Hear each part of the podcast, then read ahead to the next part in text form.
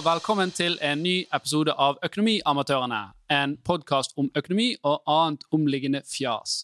Mitt navn er Alf Gunnar Andersen. Jeg er gründer og daglig leder i Horde, som sponser denne podkasten. Vi har som alltid med oss den fantastiske Jan Tore Kristoffersen. Hei, veldig kjekt igjen. Komiker og bygdetulling. Bygde, bygdetulling. Ja, Byentulling, da. Ja, greit. Det, kan, det siste er greit. Eh, I dag skal vi snakke om eh, økonom, økonomi og psykisk helse. Og vi har fått en, eh, en, en veldig spennende gjest med oss her.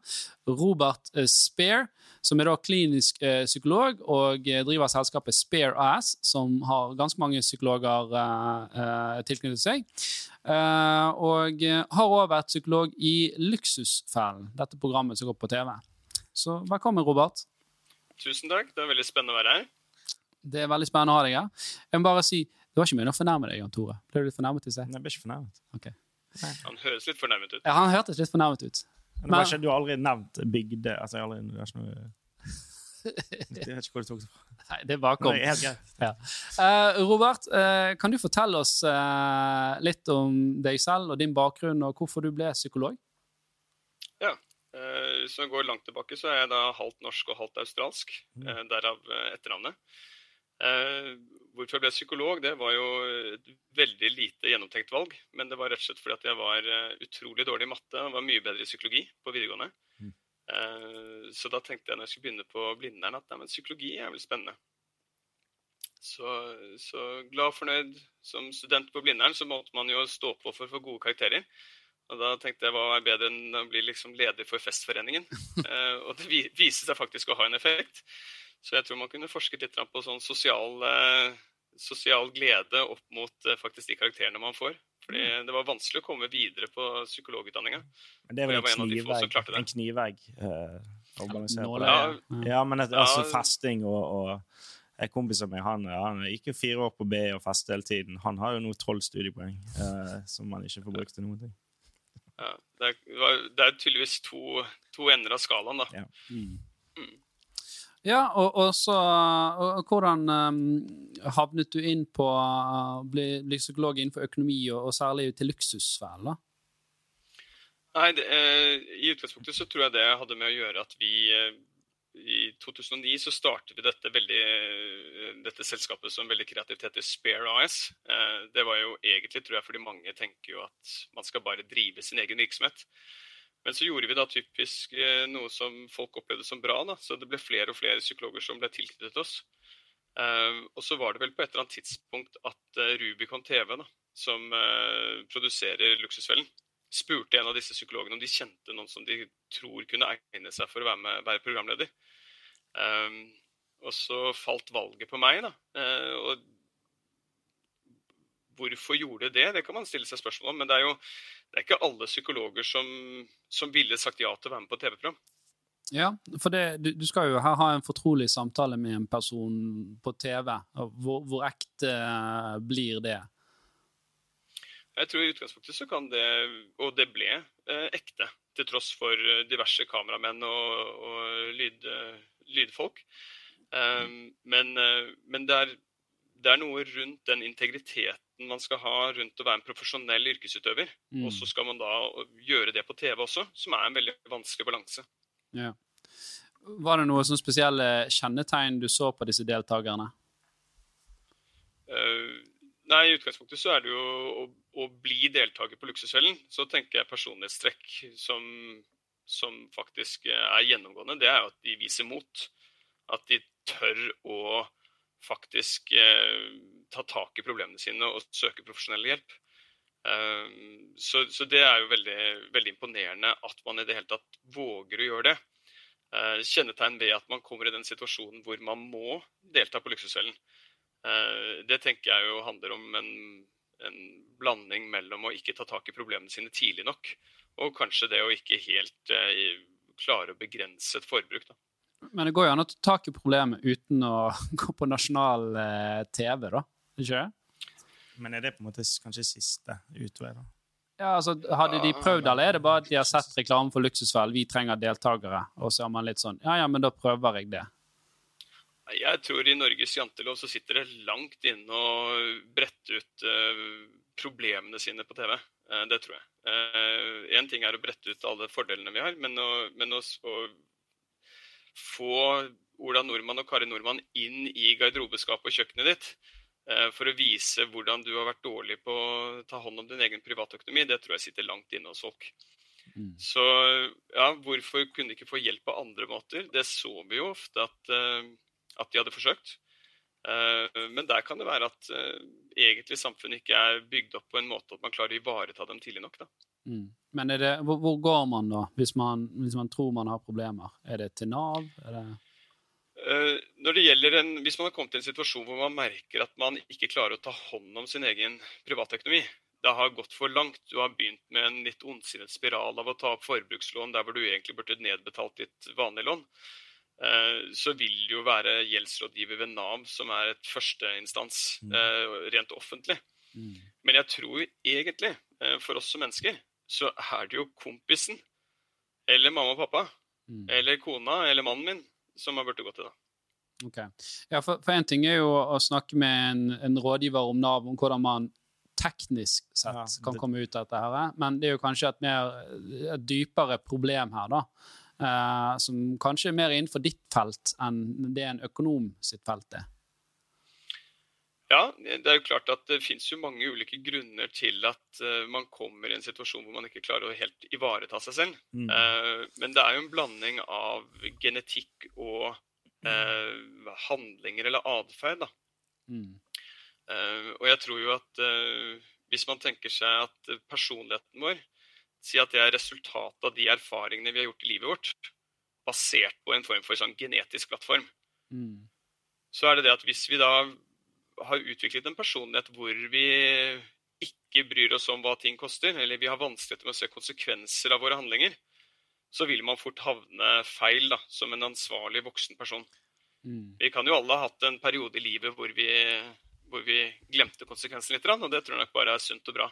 Men, Men, å gjøre det som voksen konsekvent, det er nok ikke så hensiktsmessig. For hvordan kan man på en måte eh, bare tenkte sånn litt dypere og kanskje litt lengre ned eh, gaten der. sånn Se på mange av de luksusfellene, eksempel. Og, det gjelder jo mange. Det gjelder jo, det gjelder jo det, Altså meg òg. Sånn, så, sånn OK, hvorfor, hvorfor kjøpte du den? eh, dyrejakken der. Eller sånn. Du trengte ikke den. du hadde ikke, Hvem er det du skal prøve? Hvorfor kjøpte du den for å imponere folk du ikke eh, liker engang? Eh, og så få liksom mindsettet til du, du trenger ikke det. Altså, ja, men, sånne ting som det. da. For altså, eksempel, er, er, det, er det et behov for at man trenger validering? Eller er det bare det at man trenger noe for glede, å fylle tomrommet, tomrommet i ditt liv? Ja for eksempel? Altså. Det, er jo, det, er jo, mange studier som viser at man kan få en viss form for endorfinkick akkurat i det mm. man bruker penger. Ja. Eh, så tror jeg man kan få en mer en sånn kortisolkick av å bruke penger man ikke har. Eh, det vil si at man opplever seg litt deppa. Mm. Eh, hvis man må, eh, man må ha, man har noen utgifter som man rett og slett ikke har råd til. Men, eh, men jeg tror ikke sant, samfunnet i dag er bygget opp sånn at uh, man ønsker jo I hvert fall i Norge, da, hvis vi kan si det slik, så ønsker man jo å gi barna sine alt. Og barna lærer at de får egentlig veldig mye veldig tidlig. Mm. Uh, da jeg var ung, så ble jeg sånn superglad for å få en sykkel til 1000 kroner. Og i dag så blir man liksom misfornøyd hvis man er åtte år og ikke får en iPhone 13 Pro. ja, hvis du bare får den 13. Altså ikke ja, pro. Nei, det er ikke Nei, det må være pro. Det er, ja, men det, det, det, er jo noe i det, vil jeg si, da. Um, og, og, det er jo mange ting egentlig som, som gjør at det er annerledes i dag. Sant? Du har vi har ikke et fysisk forhold til penger lenger. Sant? Så du, du, du merker ikke den her at pengene forsvinner. Uh, du har forretningsmodeller uh, som altså buy now, pay later, som gjør at du kan utsette denne her svien til, til seinere. Og så har du òg abonnementseraen. Du kjøper ikke ting og betaler en engangssum. Nå betaler du litt hver måned. Og alle disse tingene, Det, er jo veldig lett at man plus, plutselig sitter der, da, og så har man ikke helt oversikt. Så hvor mye, mye tror du liksom er er utviklingen i samfunnet, og hvor mye tror du liksom er altså er, det, er det vanskeligere å, å, å, å, ha økonomisk kontroll nå, eller er det større sannsynlighet for at man får problemer nå enn før? Ja, Åpenbart så tror jeg det er vanskeligere, fordi du som du sier, har flere flater du bruker penger på, og du ser ikke pengene. Eh, jeg husker faren min han hadde jo en liten sånn bok fra Kredittkassen, var det vel. Så skrev opp alle summene. ikke sant? Sånn kjøpt én melk og to, eh, to, egg, ikke sant? 14,50. Eh, og, og, hadde steinkontroll på, på, økonomien nærmest på ukesbasis. Når gikk noen av dere sist inn på bankkontoen og så om det var 2000 kroner mindre der enn det du trodde? Ja, den lever jo bare sitt eget liv. Får jeg opp av og til når det står sånn uh, avvist uh, ja, i, i, butikken. Men, men, ja. men, da ligger du litt på grensa. Da, da må du, da må, vi tar en prat senere. Ja, da, men du ser, du sier at du ikke ser pengene, det er jo sant, men du ser jo når eh, namsfogden står på døren. holdt på å si. Det ser du jo. Eh. Ja, Men da, da, ser du det for seint. Ja, det, det. det er det som er problemet. Det, det, ja. eh, jeg, jeg, tenker jo igjen, jeg husker veldig godt eh, Nå går jeg inn i litt sånn tilbake til psykologien igjen, da, men hvordan ble jeg som jeg ble? Jeg husker igjen at mine foreldre de hadde et sånt vinskap.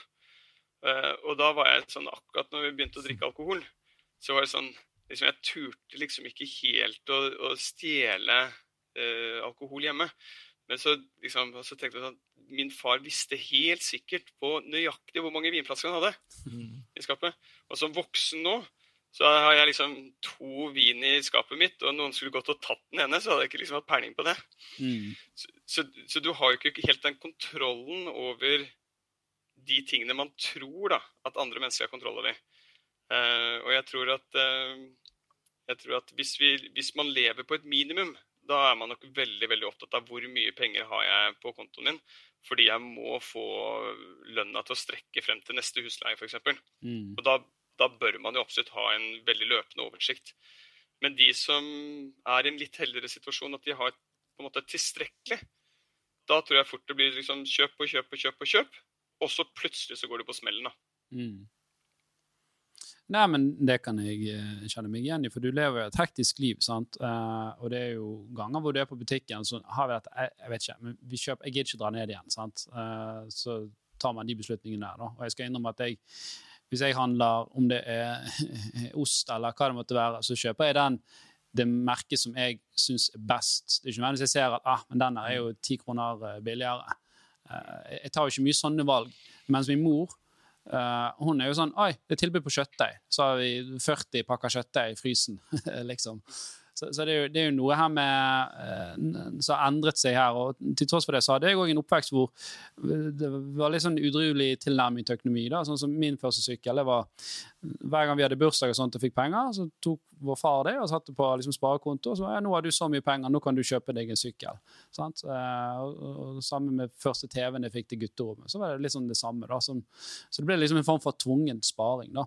Uh, men jeg, jeg, vet ikke om jeg hadde Jeg har jo to små barn nå. Jeg vet ikke om jeg hadde innført samme for de, skal jeg være helt ærlig. Nei. Jeg føler egentlig bare de trenger det. Ja, men da, Nå er de bare tre år, da, så de spør ikke om så veldig mye. Nei, men du, må, du, skal jo helst gi barna det de trenger. De skal ja. ikke ønske det. Altså, Hvis ungen trenger regntøy, så må du gi ham regntøy. Altså, skal ikke ønske, han skal ikke ønske seg det. Det skal du jo. Sånn er det. Det, er ikke alle som har råd, det er ikke alle som har råd til det. da. Det er det som er problemet. at uh, hvis uh, uh, Det er denne I forhold til lytterne på dette, denne podkasten her, da, hvis man sier at de er unge voksne, mm. så er det sånn at forhåpentligvis så har de blitt tatt vel hånd om under oppveksten av kjærlige og omsorgsfulle foreldre. Uh, og det har jo vist seg at er vesentlig mer viktig enn om hvor mye penger man har fått, eller hvor mange fine ting man har fått. Mm. Men har man fått med seg tryggheten fra sine foreldre, at man er elsket og, og ivaretatt, så kommer man veldig langt, da. Så, så her, her, her, kommer vi egentlig inn på dette som du snakket om, dette tomrommet. da. Altså heller mm. ok, en, en, kjærlig og god oppvekst med, med, kanskje litt sånn litt for bortskjemt enn det å blitt neglisjert, da. Uh, som gjerne er et større problem å ta tak i. Jeg vil heller ha en kjærlig og god oppvekst uten noe særlig økonomiske midler, enn å ha masse økonomiske midler uten noe øh, stolthet fra foreldrene eller kjærlighet fra foreldrenes side. Ja. Mm. Så, og jeg tror jo at øh, Igjen da, tilbake til hva er det som gjør at mennesker havner i uføre, eller hva er det som gjør at vi har uheldige handlinger?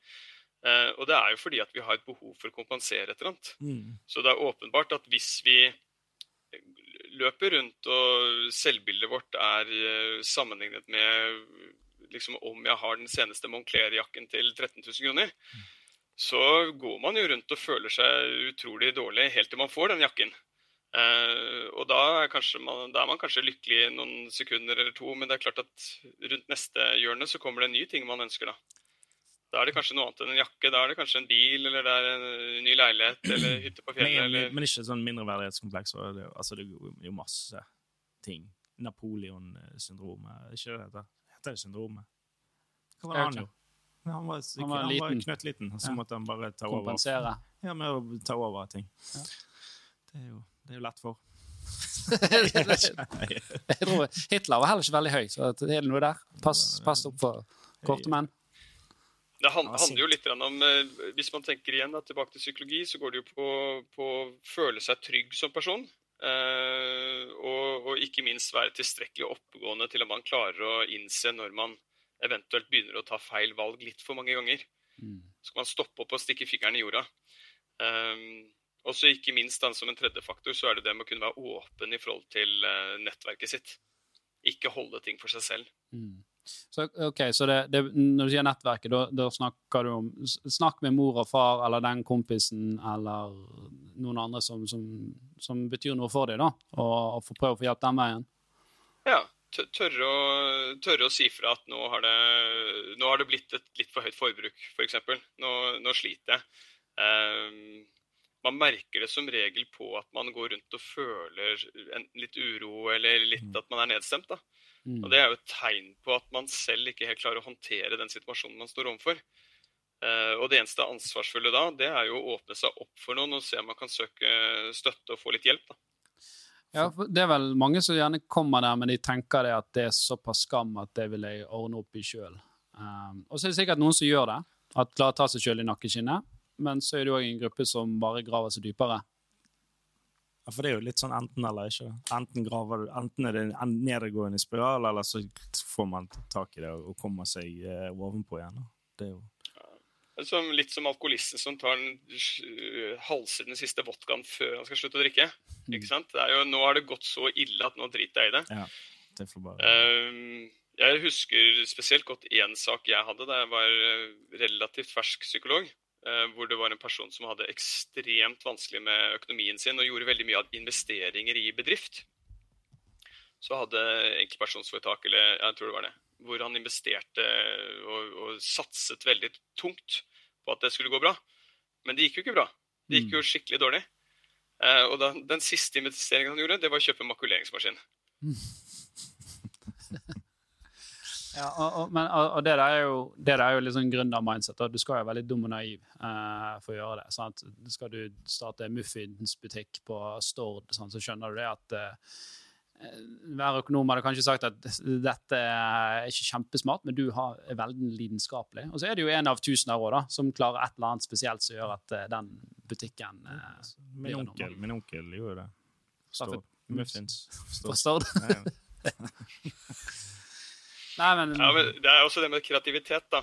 Eh, og, øh, fordi jeg tror jo at eh, hvis man virkelig er lidenskapelig i forhold til noe, man har lyst til å satse, eh, man har ikke lyst til å gå den samme veien som alle andre, og så velger man å bruke sparepengene sine på å realisere en drøm da, om å bli eh, selvstendig næringsdrivende eller, eller gründer da, på et eller annet, så er det som regel at den innbittheten at ja, jeg skal satse og jeg skal lykkes med det, den forhåpentligvis fører med seg noe kreativt også. Og det er den kreativiteten som kanskje gjør at man lykkes, men det er der hvor man prøver å gjøre mer av det samme som alle andre gjør. Jeg skal bare følge, følge samme fotspor som tidligere. mm, Da, for å gjøre det, da må man jo rett og slett være bedre enn alle de som har gjort noe før, mm. for å lykkes. Men hvis du ikke følger de samme fotsporene, da bør du ikke være bedre enn alle de andre, for det er ingen andre som har gjort det før. Da er du jo unik. Ja. Og da er det lettere å kanskje å, å, å vinne, da, hvis man tenker at suksess er å vinne. Ja. Ja, hvis du hele tiden kopierer, så betyr det at du alltid er på andreplass. Ja, på en måte så er det det. Med mindre du på en eller annen måte klarer å dytte førstemann bort fra pallen, da. Ja. Det er ofte vanskeligere enn man, man vil tro, da. Uh, tror jeg, i hvert fall. For det er jo en grunn til kanskje de har, uh, ha, har fått den posisjonen og klart å opprettholde den. Så kanskje hvis du er i en tidlig fase, så kan man gå inn og, og, og knuffe de av. Uh, men jo, jo, mer den blir befestet, jo vanskeligere er jo det å, å gjøre akkurat det samme som de, bare bitte litt bedre. Eller du kan gjøre det ganske mye dårligere, men, men mye billigere. Det er jo Clayton Christensens uh, disruption-kurven. At du kommer inn med noe som er dårligere teknologi, men det løser problemet, og det er så utrolig mye billigere. Og så den store giganten han bare tror at ja, men det her bryr meg ikke om. Men over tid så blir dette her billigproduktet bedre og bedre, og så plutselig bare surpasser det big tech. Den mobiltelefonen der, det er bare en, det er en sånn flue. Den forsvinner. Ja. Mobiltelefonboblen. ja, ja. Nei, men, men det som jeg tror også er viktig, da, det er jo det at um, uh, For det handler om en balanse mellom å være sparsommelig og å våge. Mm. Ikke sant? Uh, fordi hvis det er slik at uh, du har lyst til å satse, så må du kanskje velge å ikke bruke penger på feil ting. Mm da må du kanskje klare deg uten da, for å klare deg uten den Moncler-jakken eller for å klare deg uten den nye iPhone 13 Pro. Mm. Eh, fordi du behøver å bruke de pengene til å satse på noe annet. Eh, så jeg tror jo, Hvis du tenker forskjellen på da en luksusfelledeltaker og en eller annen som lykkes som gründer, så vil det jo være at den kanskje personen som blir luksusfelledeltaker, han har satset, han også, men han har valgt å hele tiden ha det Bruke penger der komfort. hvor man ikke nødvendigvis behøvde å bruke det. Det, føler jeg er en fellesnevner for mange av, av luksusfell-deltakerne. At, de, at, de, at det er Jo da, de kan satse på ting, men de vil ha komforten. Altså, det er sånn, De vil ikke gi opp på de tingene der. Da. De vil bestille mat og Ja, det er liksom, de skal ha den greien der. De vil ikke ofre det. da. Ja. Og da vil ikke de gå gjennom den smerten det eventuelt koster å komme til det nivået. Måtte lage spagetti hjemme sjøl. Nei, og det er jo en del av hele konseptet til programmet Luksusfellen. Og det er å, å, mm. å identifisere disse menneskene som tidligere har hatt veldig mange uheldige handlinger. Mm. Feil atferd, kanskje feil motiv som har styrt valgene deres. Eh, dokumentere på en måte hvor ille det er, i håp om at det skaper en viss form for innsikt som kan føre til endring. Mm. Og det er jo Det der er egentlig klassisk eh, Akkurat de samme prinsippene som man bruker i psykologi. Mm. Man snakker med mennesker i terapi, da, tenker jeg nå. Så man, man, man, man, får mennesker til kontorene sine som helst ikke har lyst til å være der.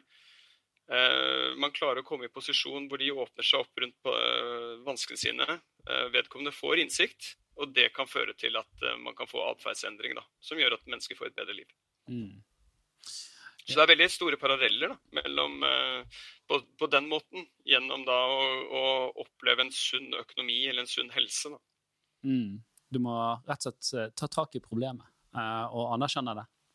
Absolutt. Du sa noe annet dette, når du relaterte til dette med, med, med gründere, at de kanskje er litt uh, De må gjøre noen valg. De kan gjerne ikke uh, dra på den ferien i sommer for de må spare penger uh, og den type ting.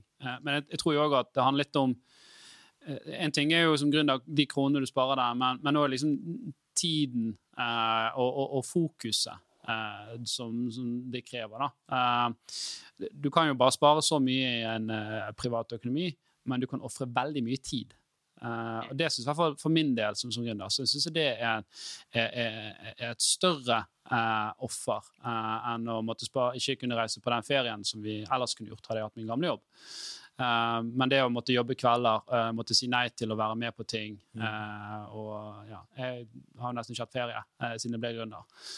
Så, men kan man dra paralleller til liksom det òg når det gjelder dette, det, det, gjelder gjerne ikke med, kun med pengene du sparer, men innsatsen du legger i det da, for å komme ut av det òg. Ja, det som Jeg tenker når du, jeg vet ikke om jeg svarer på spørsmålet ditt, men det som jeg sitter og reflekterer over når du snakker, det er jo dette med utholdenhet. Uh, og jeg tenker jo at uh, Hvis vi klarer å lære barna våre, eller hvis vi som ung voksen jobber med å øke vår utholdenhet, så vil vi også lykkes mer. Og det vil si at Hvis det er et eller annet prosjekt som krever at jeg legger ned arbeidstimene, så får vi gønne på å gjøre det. da. Mm. Eh, eller hvis det er et eller annet som, eh, som krever at jeg må være litt Jeg må avstå fra et eller annet jeg ønsker, enten om det er å, eh, en eller annen ny ting, eller jeg må bruke penger på et eller annet. Så at jeg kan holde ut og ha det litt vanskelig for Mm. å oppnå et mål jeg ønsker meg. Det tror jeg er veldig viktig. Mm. Um, syns du da folk er, er litt for bortskjemt eh, i Norge? At vi liksom blir lært av at alle skal ha det så bra, alle skal ha iPhone 13. eh, og så i, realitet, 13 Pro. ja, så i realiteten så kan ikke alle ha iPhone 13 Pro. Eh, Ja, Det er jo lett å svare ja på det spørsmålet. Eh, Samtidig så tror jeg det er ganske store eh, forskjeller, både geografisk og i forhold til sånn eh, ja, hvor man bor enn i ulike byer. Jeg tror det finnes veldig veldig mange mennesker som skulle bli ganske irriterte hvis man sa at liksom befolkningen Eller jeg føler meg ikke bortskjemt, skulle de kjent. Mm. Jeg står på, jeg jobber hardt. Men jeg tror kanskje der hvor vi er litt bortskjemte, det er at vi tror på en måte at vi skal ha det bra til enhver tid. Mm. Jeg, jeg tenker på en måte at eh, kanskje en del av livet, det er å ha det vondt. En del av livet er å ha mangler. Hvis vi ikke har mangler, eller hvis vi ikke har det vondt, så vet vi aldri når vi har det bra. Er det, er det sånn hvis du, altså hvis du tenker en kurve, da, sånn ha det bra, ha det vondt, type ting, og så noe midt imellom der, en flatlining, er det, Mm. er det da at hvis du har det bra hele tiden, så vil jo, så vil jo det, Det være den, da vil jo det være den eh, flatlining, Så- så, det, da så- så- blir man jo apatisk, ikke apatisk, men Så det gjelder ikke å ha det jevnt ondt eller jevnt OK eller jevnt dårlig. Det gjelder faktisk å, få svingningene her, da. Eh, så du faktisk kan se kontrasten med det. At du faktisk må ha det litt vondt til tider. eh, for å Ja, eller i hvert fall, i hvert fall akseptere svingningene. ja. Fordi hvis, vi- hvis vi aksepterer svingning, hvis vi ikke på død og liv må liksom ruse fra det å ha det vondt Hvis vi kan være litt i det og si at shit, nå er det ordentlig dårlig nå. Mm. nå. Nå har jeg det ikke bra. Enten det er utrolig dårlig økonomi, eller jeg føler meg ikke bra, eller jeg har øh, somatiske plager. Og så bare være det litt. Hva er somatisk? Det er somatiske plager. Kropp, kroppslige plager. Fysiske? Ja. Fysiske plager. Ja. Så, så enten at vi har sånn følelsesmessige plager eller kroppslige plager, eller at vi har økonomiske vansker, og så være i det og gjøre noe med det. Mm. Eh, Da tror jeg man kommer til å ha en mye større, større lykkefølelse når man faktisk har klart å mestre det. Ja. Mm. Uh, og på samme måte på, på den andre delen av skalaen, da, det er at når alt flyter på og er bra, så er det av og til ganske greit å stoppe opp og tenke Tenk om det ble skikkelig dårlig nå? Mm. Fordi da av og til så kanskje man setter litt mer pris på at det går ganske bra. da. Mm. Mm. Ja, det har jeg tenkt på mye. For det, ting går jo stort sett bra, men jeg føler ikke at jeg Jeg får nesten dårlig samvittighet over at jeg ikke setter pris på hvor bra jeg har det. Og da bare sånn, ok, Hvordan skal jeg sette det i perspektiv? da? Jo da, jeg kan jo se på eh, nyhetene at alt ting går til helvete andre steder. Som det er ja alt mulig og sånn, men jeg klarer likevel ikke å sette pris på det. Jeg klarer ikke å sette pris på at begge beina mine fungerer, eksempel. Det, det bare tar jeg for gitt. Vi tar alt for gitt, og hvordan kan vi på en måte ta det inn? Jeg tror bare den refleksjonen du gjør der, er jo medvirkende til å gi deg perspektiv. Så den i, den i seg selv skaper jo en mulighet for deg å ta en, se på situasjonen i et visst perspektiv og si ah, nei, men jeg, jeg, jeg burde være mer lykkelig. Og Det er ikke det at du på død og liv da skal føle deg mer lykkelig eller mer ulykkelig, men at du kan i hvert fall reflektere rundt det. Mm. Jeg kommer på én ting nå som, som eh, Åh, jeg kommer på det. Når jeg eh, OK, når du, er, du vet når du er veldig, veldig fyllesyk. Altså, når bare hodet ditt holder på å eksplodere, og du bare sånn Jeg kunne gitt hva som helst for bare å få dette til å forsvinne. Eller hvis du har vondt i hodet generelt sett. Så setter du Da, da tenker du sånn Åh, hvor, hvor deilig det hadde vært å bare, bare ikke ha hatt vondt i hodet. Ja, eller, Men nå, nå har jeg jo ikke vondt i hodet. Jeg går ikke rundt og tenker på at jeg ikke har vondt i hodet. Men, ja, men, eller, eller hvis du har influensa og du er tett i nesen, altså bare Faen, hvilken luksus det er å kunne puste gjennom nesen. Tenk på det! Ah, det er jo sånne rare ting, da. Men eh, handler det i stor grad om altså, mental innstilling til disse problemene? For det er klart at Når du har det vondt, så er det veldig lett å si at oi, dette var vondt, dette er alle andre sin feil. Eller kan man prøve å snu det og si at oi, her var noe jeg kunne jobbe med. Shit, dette, tenk hvor deilig når jeg løser dette her når jeg kommer meg ut fra det. Jeg tror jo mennesker generelt sett er veldig mye lykkeligere når de har liksom konkrete mål å jobbe med, eh, mot. vi, har, vi, går jo mot en verden nå hvor alt blir mer digitalisert, og det er snakk om at i framtiden må folk ha borgerlønn. Eh, det, det, høres ut som dystopi for meg. for hva, hva skal du gjøre på? Alle kanskje blir kunstnere og, og, og sanger, holdt jeg på å si, eller artister. Det er ikke alle som har det genet. Så men innenfor psykologien så er det et uh, ganske vanlig begrep når man snakker litt rundt mestring, som man kaller følelse av sammenheng. Uh, og Selve ordet i seg selv eller begrepet i seg selv gir ikke så veldig mye mening, men det som er poenget med det, det er at uh, vi, må vi, må oppleve de utfordringene vi står overfor, som håndterbare. Så at jeg skal føle at det er en utfordring, dvs. Si at det skal være noe som er litt vanskelig, men jeg har tro på at jeg kan få det til. Mm. Og så må vi oppleve at vi har ressurser for å gjøre noe med det. Mm. Og så må vi oppleve at det er meningsfullt å ta tak i det. Men, men er ikke litt problemet der at folk ikke altså de scoper opp og sier dette det jeg skal løse, istedenfor å si at OK, men dette er i hvert fall første steg i det? Jo, jo og, og, sånn kan det være. Men jeg tror at hvis, vi, hvis man sitter i en veldig vanskelig situasjon, da, enten om det er økonomisk situasjon eller om det er en fysisk situasjon, eh, så er det det der å oppleve at ja, jeg har faktisk evnen til å ta tak i det jeg har muligheten til å gjøre noe med det selv. Og det er det kanskje det veldig mange av deltakerne f.eks. på Luksusfellen vil slite med. At de opplever ikke et eget en, en, egen tro da, eller en selvtillit som er tilstrekkelig mm. på at ja, jeg kan få det til selv. Så ja, det er helt klart at programlederne på Luksusfellen gjør en del taktiske grep også, hvor man forsøker å hjelpe dem til å strukturere hverdagen sin. Men veldig mye handler om at de skal få tilbake selvtilliten, slik at de kan følge opp de eh, tiltakene som er blitt bestemt. Da. Mm. Ja, og Vi hadde jo Lene Drange her med i en tidligere episode. Jeg ble veldig overrasket over hvor mye de faktisk følger opp deltakerne i ettertid. Jeg trodde det var litt sånn Nå skal vi lage TV, og så ja, vi må tilbake med en måned og se, og så var det takk og farvel. Men det er faktisk Nei, ja, Lene og Hallgeir og Magne og sånt, de følger jo opp deltakerne i fem års tid. Mm. Ja, det, er så, men det er, nett, det er, jo ofte fordi at de har en eller annen form for nedbetalingsplan. Så det er jo det, det fysiske tiltaket som har blitt gjort, det er jo at liksom vi har lagd en nedbetalingsplan. Og, og, for at deltakerne da skal bli helt fri for gjelda si, så må de ha litt støtte og oppfølging. Eh, psykologenes rolle er egentlig å skape motivasjon for å starte det arbeidet. Mm. Det er litt motsatt av Gordon Ramsay når han rydder opp. Det er sånn Ni av ti av de bedriftene han hjelper, har gått konk etter et år. og Der kan det jo være fordi at man ikke Tilbake til um, hva er det som er viktig for endring, da. Så er det at man må jobbe litt med å endre uh, atferd. Uh, og Gordon Ramsay gjør jo ikke det. De sender jo en hele time som endrer menyen. Hele konseptet. Mm. Men selve atferden er den samme. Uh, og så behøver man som du sier, støtte og hjelp og oppfølging som ikke fins. Da. Og da, da, sitter jo personene ok, det er 24 timers show, men effekten er ikke vedvarende. Mm. mm. Ok, uh, Spørsmål angående de som kommer i en sånn situasjon hvor de får økonomiske problemer, eller problemer generelt. Arv eller miljø? Uh, hovedsakelig miljø, men basert på noe kanskje i forhold til uh, hvor mye vi har i topplokket. OK.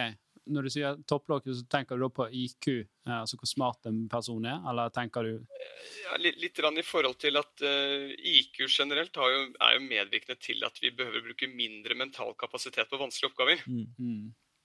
Og det er klart at Hvis vi har en normal intelligens, i hvert fall, så, så, bør man kunne i hvert fall rent sånn økonomisk regne seg til hva som er lurt og hva som ikke er lurt. Mm.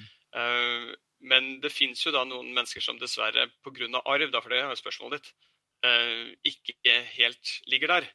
Uh, og da bør man kanskje gjennom skolevesen, fag, både på ungdomsskole og videregående, hjelpe en del til å kunne ta mer fornuftige valg da, rundt økonomi. Mm. Og, og, og, sånn sett så vil det være miljøet, da. Men, men folk har jo forskjellig impulsstyring òg. Er det korrelert med IQ, eller kan det være en helt egen skala? Nei, det, Der arresterer du meg litt. Jeg er ikke helt sikker, faktisk. Men jeg tror jo at det er en helt egen skala. Mm. Eh, jeg tror du har veldig mange utrolig smarte mennesker som er ekstremt impulsive. Det kan jo være en sånn type diagnose, det kan ikke Sånn, å, jeg, har, jeg har ADHD, jeg klarer ikke å styre meg. Brukte alle pengene i går på det. Ikke sant. Nei, så, nei, så Det tror jeg absolutt. Men jeg, jeg tror at uh, impuls det går jo mer på kan vi si, personlighet, og det går på visse deler i hjernen da, mm. som, uh, som, har med evnen til å motstå fristelser. Um, og det er klart at um, en smart person vil kunne kanskje tenke litt flere steg. Mm. Uh, men jeg tror egentlig impulsivitet og kreativitet, det, er, det, kan man ha helt uavhengig av hvor man ligger på skalaen rent IQ-messig. Mm. Um, de siste årene så har jo dukket opp uh, flere og flere sånne sparegrammere på TikTok og finfluensere. Uh, sparegrammere på, på, Instagram og finfluensere overalt. Vi har jo til og med blitt kalt uh, finfluensere, uh, økonomiamatørene. Og, og, det må jo være gjerne et tegn da, på at folk er sultefòret for å faktisk forstå litt mer om økonomi.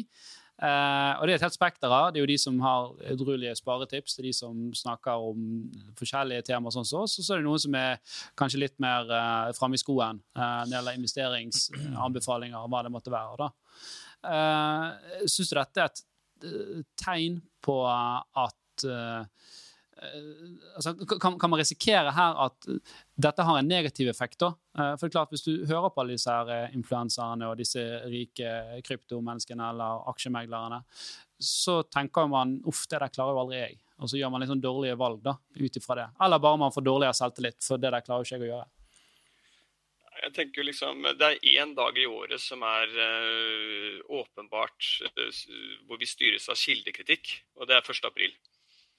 Da er alle drittredde for å gå og bli lurt. Mm. Og, så, og så de andre 365 eller 364 dagene i året, så bare tror vi blindt på det vi ser. Da blir du ofte lurt deg, av mange ja, annonser. Lurt, og, ja. Ja, ja, Nei, så jeg, jeg, tenker jo mer at uh, det som er viktig, er jo å være uh, og, og kanskje ta og stikke fingeren litt i jorda og spørre seg selv hva er det som gjør at vi blir fascinert av å følge da, disse ulike menneskene. Mm. Enten på TikTok eller, eller, hvor det nå kan være. Uh, og det er åpenbart at det er ikke helt sikkert at de har kompetansen til å kunne ta valg for oss. Mm. Uh, og litt sånn som vi snakket om, eh, så er det jo slik at hvis man bare gjør mye av det samme som alle andre gjør, så vil man jo selvfølgelig være med i gjengen. Uh, kommer man med i gjengen tidlig nok, så er jo det veldig bra. Det er jo alle sånne MLM-selskap. de består jo på det. Mm. Så, men jeg tror jo at uh, kanskje det viktigste, det er å, å, Det beste sparetipset, det er jo å ikke bruke penger.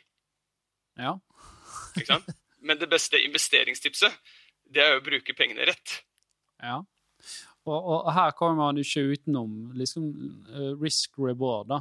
Og du har jo et marked som i stor grad styrer seg sjøl. Så skal du gjøre investeringer som er mer risikable, så bør du kanskje gjøre litt mer research eh, på, på, egen hånd. da, eh, Og være litt kritisk til, eh, til, til kilden som kommer med, med, med, tipset. Spørre liksom, hva, hvorfor snakker de varmt om akkurat dette tipset. Mm. Ja, jeg tror man kan dra en sammenligning til alt dette med covid-19 og vaksinesituasjon og slike ting. Så er det jo det at bare for at en eller annen influenser sier at jeg tror det er kjempedumt å ta vaksine, mm. så kan man jo da spørre seg men hva vet den personen som Camilla Stoltenberg ikke vet? Eller Anders Tegnell i Sverige? Ikke sant? Hva, det, det, sitter jo flinke, smarte fagfolk på FHI som tydeligvis har tenkt å forske på dette. Sier du at Kari Jakkesson og, og, og, og Chartersveien ikke er kompetente mennesker?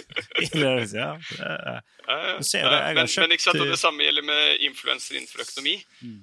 Uh, åpenbart, hvis de i hvert fall kommer med tips som eh, man kan tro virker for gode til å være sanne, så bør man jo kanskje i hvert fall undersøke hva eh, litt mer nøkterne investerere tenker. da. Ja, Det er jo en veldig god pekepinn. Høres jo for godt ut til å være sant, så er det jo mest sannsynlig noe med liten skrift. Eller uten mm. noe skrift, mer sannsynlig. Um, så, og, um, og, men, men, det positive er jo selvfølgelig at det blir snakket mer om. da. Uh, det er jo en form for, det er jo veldig bra at man møter eh, mennesker på plattformer som de faktisk klarer å konsumere informasjon. Sant? Uh, det var veldig kjedelig hvis sånn at alle måtte lese liksom en tung økonomibok på siden. for å... Men, ja, og der, der, er det vel kanskje vi kan vri på det helt. Da, og si at kanskje det er de tunge finansinstituttenes oppgave det er å bli mer brukervennlige enn å homo på TikTok, er det du sier? Ja, på en måte. Ja. Og, og, ikke sant? det er jo åpenbart at sånn som bare jeg skulle tro at de fleste kjenner seg igjen i hvordan avisleserkulturen har endret seg. At Tidligere så kunne i hvert fall jeg, da, som er gammel nok til å huske at det fantes en papiravis, så bladde jeg jo gjennom den og leste liksom nærmest hele fra A til Å. DN leste jeg baklengs, for det var en eller annen som sa at det var kult. Uh, men, men, nå er det jo på en måte bare appen som viser de artiklene som appen tror er relevante for meg, ut ifra mitt tidligere mønster. Men kanskje jeg egentlig har lyst til å lese noe annet enn det jeg alltid har lest. Mm. Så du får et uh, Dette er jo Jan Tore er glad i å si det. Et ekkokammer, da av, uh, av uh, de meningene som du egentlig tror, og så får du de forsterket. Ja, det skulle jeg tro. Og der vil det kanskje være at seriøse aktører innenfor handel og økonomi generelt bør kanskje nå ut til massene på mer lettvinte måter å ta til seg den kunnskapen på. Da. Mm. Det kan være en utfordring. Du som er, er, psykolog, har du noen sånne favoritter du, du vil anbefale? Altså, jeg, jeg føler sjøl at jeg har fulgt noen i, i, mange år som på en måte altså, typisk sånn John Peterson, som er blitt liksom en, en hit, mm. og uh, går og rydd rommet ditt liksom, til å ordne ting seg. Eller bare begynne å ta tak i små ting. Og, og jeg føler at det, de tingene der og økonomi og har en sammenheng. For når du først begynner på det, rydde opp der, så er det lettere å rydde opp andre steder. Mm. Nå i det siste han, jeg vet ikke, Mark Manson, er det det han heter? Han som skrev den der How to not give a fuck, eller hva det er. Mm. Han er begynt å bli veldig aktiv på Instagram nå, ligger ut mye sånne slags quotes som man gjerne lagrer, og så skal man lese det igjen seinere, så gjør man aldri det. Um, men, ja. ja men det, det, akkurat det du sier der, er et veldig viktig poeng, og så gjør man aldri det. Mm. Og det er nettopp fordi at det, den informasjonen du tar til deg, den fester seg liksom ikke på dypet. Nei. Uh, så personlig så tror jeg at uh, hvis jeg skal se litt uh, Hvis jeg skal reflektere rundt litt medvirkende årsaker til min suksess, da, hvis man sier at jeg har gjort det sånn relativt bra i livet mitt, så var det da jeg leste Stephen Coveys 'Seven eller Habits of Effective People'. Mm det en gang til. 'Habits of Effective People'. Seven Habits, tror jeg den heter. Mm. Uh, hvor man, det var rett og slett en bok, da. Som man, kan ikke, man måtte bla i den med sånn fysiske, fysiske papirbok. og sikkert på 300 sider, så man må jo bruke litt tid på det. Mm. Tilbake til utholdenhet, da. Uh, men, men det, den boken var jo medvirkende til at man lærte seg litt sånn at men hva er det som gjør at jeg fortsetter å holde ut det som jeg syns er vanskelig? Hva er det som gjør at jeg kan effektivisere hverdagen min? Mm. På hva bør jeg bruke penger, og hva bør jeg ikke bruke penger på? Mm. Uh, og vi sitter jo i dag med eller mitt selskap, da, som jeg sa Det heter jo bare Spare Eyes, så det er ikke noe sånn veldig voldsomt spennende navn. Men vi har jo 350 psykologer i dag som uh, totalt sett så er det rundt 13 000-14 000 pasienter hvert år, eller klienter hvert år, da, som søker seg til psykolog, som kommer til en av de psykologene vi samarbeider med. Og Så leverer vi et journalprogram til disse psykologene. Eh, og så er det en sånn kryptert bestillingsfunksjon. Da, så alle kan, Når man skal bestille hos eh, psykologene, så er man helt sikker på at den informasjonen man legger ut, er, er trygg. Da. Mm. Um, og den reisen vi har gjort bare de siste årene ved å gå fra å være liksom mitt eget lille selskap Jeg, var, jeg hadde jo dette bemanningsselskapet når jeg jobbet på psykologtjenesten, eller på, på Luksusfellen også. Uh, men, men, fra luksusfelleperioden, sånn ca. 2017 til i dag, så har det vært en enorm vekst i det selskapet. Egentlig bare knyttet til at vi har vært effektive og satset på det som behøvdes å satse på. Og det var IT-utvikling spesielt. da. Mm. Så jeg tenker jo igjen da på uh, unge lyttere som, uh, som ønsker, sant, ønsker, gode forretningsideer, eller man ønsker investeringsråd, eller litt sånn. Det handler ikke så veldig mye om å lytte til alle de andre, men det handler om å lytte litt til seg selv. Mm. Hva er, det, hva er det jeg er god på? Uh, hva er det jeg tror på? Mm. og så må man liksom bite av tennene i det sure, tennene i det sure eplet, og så liksom begynne å gjøre jobben. Mm. Akkurat det du sier der, eh, er jo veldig viktig. Men jeg tror det er, jeg ser mange gründere gjør feil. Det er å, å, å, ta en sånn runde med seg sjøl og spørre seg det jeg gjør nå, er det produktivt for å komme til det målet jeg skal til, eller er det som er behagelig å jobbe med nå, men så vet jeg det er et jævlig skjelett i skapet her borte som må ta tak i. Uh, og, og, det ser jeg som gjennomgående. De som er tøffe nok til å gjøre det, de kommer bedre ut, og de andre de løper rundt og driver det som jeg kaller innovasjonsteater. Uh, hvor de styrer med mye forskjellig og virker veldig travel. Sa du innovasjon eller impro, improteater? In, innovasjonsteater. Uh, men, men, det kommer ikke noe liksom, verdiskapende ut av det, og til slutt så sprekker det.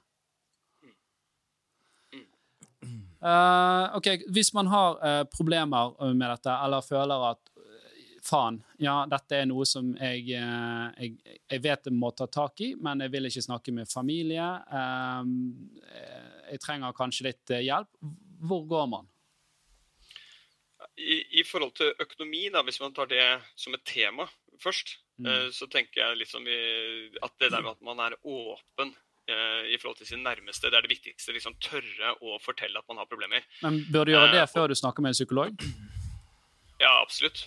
Uh, fortell dine nærmeste om hva du sliter med, så kan det, kan det være at du får hjelp der. Det, men tross alt så Psykologer er jo overarbeidet nok som det er, så folk som kan klare seg selv, de får ta hånd om sine egne problemer. Uh, men så har man jo da en del gjeldsrådgivning i Nav osv. Hvis det er snakk om mer sånn psykiske plager, dvs. Si at det kan være økonomi som er årsaken til det, men jeg har rett og slett eh, jeg, jeg sliter psykisk. Uh, enten med sterk nedstemthet eller uro, vil, depresjon eller angst, eller andre typer plager. Bekymringer, og man merker at man, man, man sliter i hverdagen sin, mm. så er det jo ulike muligheter. Først og fremst så skal jo kommunene ha et tilbud. så hvis man tar Eh, for ungdom så bør man jo ha en, eller annen form for skolehelsetjeneste, eller det som heter rask psykisk helsehjelp. Det skal kommunen ha, uh, ha på plass. Uh, dessverre er det slik at det er veldig mange kommuner som sliter litt i forhold til å ha et tilstrekkelig godt nok tilbud. Og der vil det jo være muligheter å, å, se på andre deler av tjenesteapparatet. Eh, men de er veldig ofte knyttet til studentorganisasjoner. Så for så har de fleste studentsamskipnadene de har jo helsetjeneste, og man kan få psykologhjelp. Er det slik at eh, det er veldig veldig alvorlig, så skal man snakke med fastlegen sin og få henvisning til det som heter offentlig psykisk helsevern. DPS, distriktspsykiatrisk senter. Eh, men der igjen er det kapasitetsproblem, og da har vi det der mellomsegmentet da, Eh, hvor mitt selskap befinner seg. Så vi har jo en løsning for, eh, for privatbetalende pasienter eller klienter som ønsker å komme til psykolog, som heter ledigpsykolog.no. Det er bare en nettside, rett og slett. Men det var der jeg nevnte dette med kryptert bestilling. Mm. Hvor, hvor, du vet at den informasjonen du eh, registrerer på nettet, den er helt sikker. Fordi i dag så er det veldig mange av websider er basert på liksom e-postprogram. Mm. Så har, Hvis du skriver liksom du, hva du sliter med, eller du laster opp en henvisning, så vet du at det kommer rett inn i psykologens journal da, mm. på, på ledigpsykolog.no. Og så har du da eh, den siste muligheten, som også er en god mulighet. Det er å, å, hvis man i hvert fall er arbeidstaker eller har tilstrekkelig med økonomi til å betale for en helseforsikring. Eh, og Der finnes det jo veldig mange tilbydere da, som har det. Hva, hva koster det for en privatperson uh, som føler man er litt sånn Man er ikke der at man uh, trenger krisehjelp, men man ser at dette er et problem, og man ønsker noen å, å snakke med og ta, ta tak i det. Ja. Hvis du f.eks. skulle gått på lederpsykolog.no og bare funnet en psykolog, uh, og, og slikt, så vil prisene for en privatperson i Norge i dag så varierer det mellom rundt tusenlappen til 1500 kroner per mm. time. Eh, og det er litt, litt, dyrere i de store byene. Eh, og så er det litt dyrere på de veldig små stedene hvor det fins veldig få. Mm. Men det kan være en veldig god investering, det. Altså i din egen mentale helse. Sånn. Ja, igjen jeg skal jo selvfølgelig promotere at man skal gå til psykolog, men jeg vil jo ikke at folk skal gå til psykolog bare for å gjøre det. Nei, De skal jo bruke nettverket var, sitt. Og, ja, der, spørsmål, der har jeg et spørsmål. På, på, på, arbeidsplassen min så har vi en sånn årlig, årlig sjekk hos legen. Uh, der du på en måte EU blir EU-godkjent, om du vil, en gang i mm. året. Uh, men det er jo de fysiske tingene. Det er jo ingen som sjekker hodet ditt en gang i året. Bør man gå til psykolog bare sånn du, jeg tror, jeg tror alt er greit. Så bare, nei, da er det vel det, da. Altså, jeg vet ikke. De har faktisk en ordning Det kommer sannsynligvis ikke til å bli gjennomført, men det har vært man har vurdert dette med at det, det skal være psykolog tilknyttet fastlegekontorene. For å ta litt sånn det vi kaller screening, dvs. Si en sånn kjapp, kjapp helsesjekk. Mm. Men, men, jeg tror at i dag så finnes det såpass mange ting på nettet. Du kan, du kan søke liksom, test på depresjon eller test på angst eller et eller annet. Og, og, så kan du se om du kommer over disse skårene for hvor du bør søke hjelp. Men jeg tror igjen den viktigste, viktigste måleinstrumentet, det er jo deg selv. Ja. Hvis du merker at du sliter, hvis gode venner, hvis foreldre kommenterer at de opplever at det virker som du har det vondt eller vanskelig, så snakk med noen du har tillit til. Mm. Uh, hvis du ikke våger å snakke med noen du har tillit til, fordi du syns det er så skamfullt og vanskelig, så ta kontakt med fastlegen. Fastlegen tåler å høre det du, det du uh, har på hjertet. Det, det, pleier jeg ofte å si hvis jeg har hatt uh, klienter som kommer til meg så er det jo det at liksom, jeg har hørt det meste før. Du behøver ikke å være Jeg forstår at det er vanskelig for deg å sette ord på det, men, men jeg har hørt det før. Det mm. går greit å sette ord på det. Mm. Ja. ja. Da vet vi det. Uh, nei, men Det var jo kjempeinteressant. Og så ledigpsykolog.no. Ja, det er, det er, da en nettside for det vi kaller privatpraktiserende psykologer. Mm. Uh, hvor man geografisk der hvor man bor, kan søke opp en psykolog med ledig kapasitet. Og Det er det som er problemet i dag. Eh, det er jo at Hvis du bare søker på nettet, bare sånn et Google-søk, da, psykolog Bergen eh, De fleste vanlige Eh, sidene de vil ha et sånn mailbasert bestillingssystem, som er litt eh, risikabelt i forhold til Datatilsynet og GDPR med hensyn til overføring av helseopplysninger. Mm. Eh, og så er det det at du må liksom flere steg før du ser om det fins en ledig time eller ikke. Mm. Eh, og hos psykologer i dag er det dessverre slik at det er veldig vanskelig å få ledige timer. Eh, vi har en yrkesgruppe i Norge som heter avtalespesialister i psykologi. Og det er de som Eh, de er privatpraktiserende, men de får betalt av staten. Men de har liksom ett års ventetid. Ja. Seks, til, det har stått i avisen. ikke sant? Mm. Tre til seks måneders ventetid på psykolog. Da er det alltid hos avtalespesialist. Men det skal finnes et tilbud i kommunen. Hvis du virkelig virkelig sliter, så skal fastlegen din henvise deg til offentlig DPS, og da skal du få hjelp. Uh, og det fins også, hvis man har råd til det, så fins det privatpraktiserende psykologer som har ledig time umiddelbart. Mm. Uh, kanskje noen av, Hvis du bor litt avsides til, eller sånt, så må du kanskje ta det på video. Uh, men det fins ledige timer hos psykolog. Det gjør det. Ja.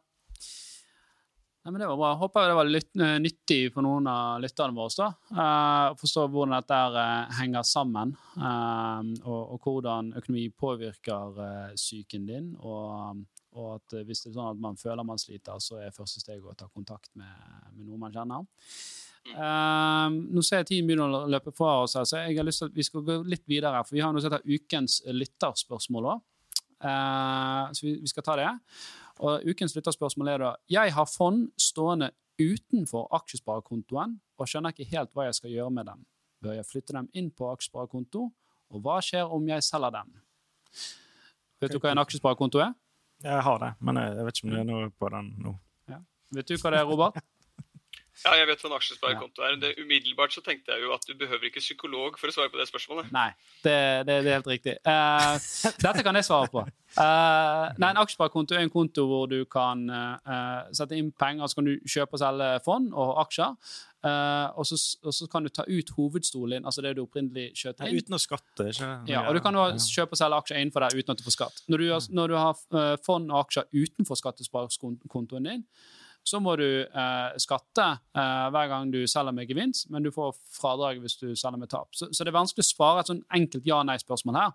For la oss si da, Hvis dette er en person som nettopp har begynt å spare i fond, og det er liksom seks måneders avkastning der, så vil jeg sagt ja, selg det og ta den lille gevinstbeskatningen og flytt det inn i aksjesparekontoen din. Har denne personen hatt aksjene i, i 15 år, og det er 500% avkastning på det, så er ikke det like lett. Uh, da må man gjøre en vurdering om hvordan man skal gjøre det. Uh, et lite tips kan være å selge der du har tap, så du får skattefradraget for det, og bare flytte det inn i aksjesparekontoen. Så gjerne ha det, uh, men ja, det er det som skjer om du selger det. i hvert fall. Da må du skatte, eller har du tap, så får du fratrekk for, for, for det tapet. Så lærte jeg noe, da. Ja.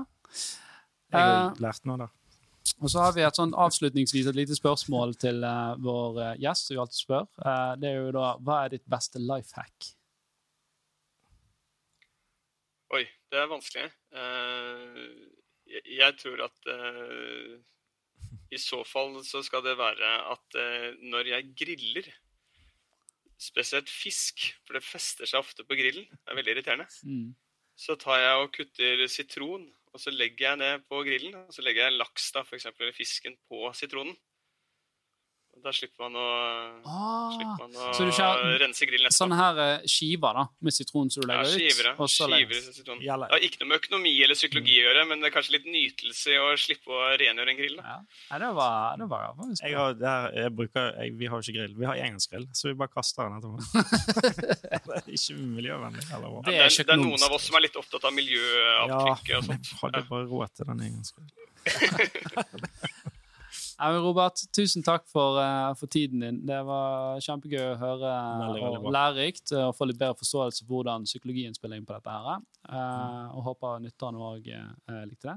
Hvis, hvis noen ønsker å høre mer om Robert og, og det du gjør, hvor kan de finne mer ut om deg? Nei, mer om meg vet jeg ikke helt, men eh, vi har jo en nettside som heter spare.no. da. Mm. Eh, og så er det jo da ledigpsykolog.no hvis man har behov for hjelp, eh, som er viktig. Mm. Eh, men jeg tror at eh, eh, det viktigste det er litt som, eh, som jeg tenker at eh, Lytt til deg selv og stol på deg selv. Eh, spar penga om du ikke behøver å bruke dem, og invester rett. det, Det er viktig. ja, det er vidåpne dører, sånn som vi liker det. Det, det enkle er ofte det beste. Hashtag eh, Rema. Uh. Veldig bra. Uh, takk for denne gang. Uh, hvis dere likte podkasten, subscribe. Uh, finnes på YouTube, Spotify, Apple Podcast, wherever. og på Instagram og TikTok, så følg oss gjerne der. Tusen takk for tiden deres. Yes. Ha det bra. Ha det.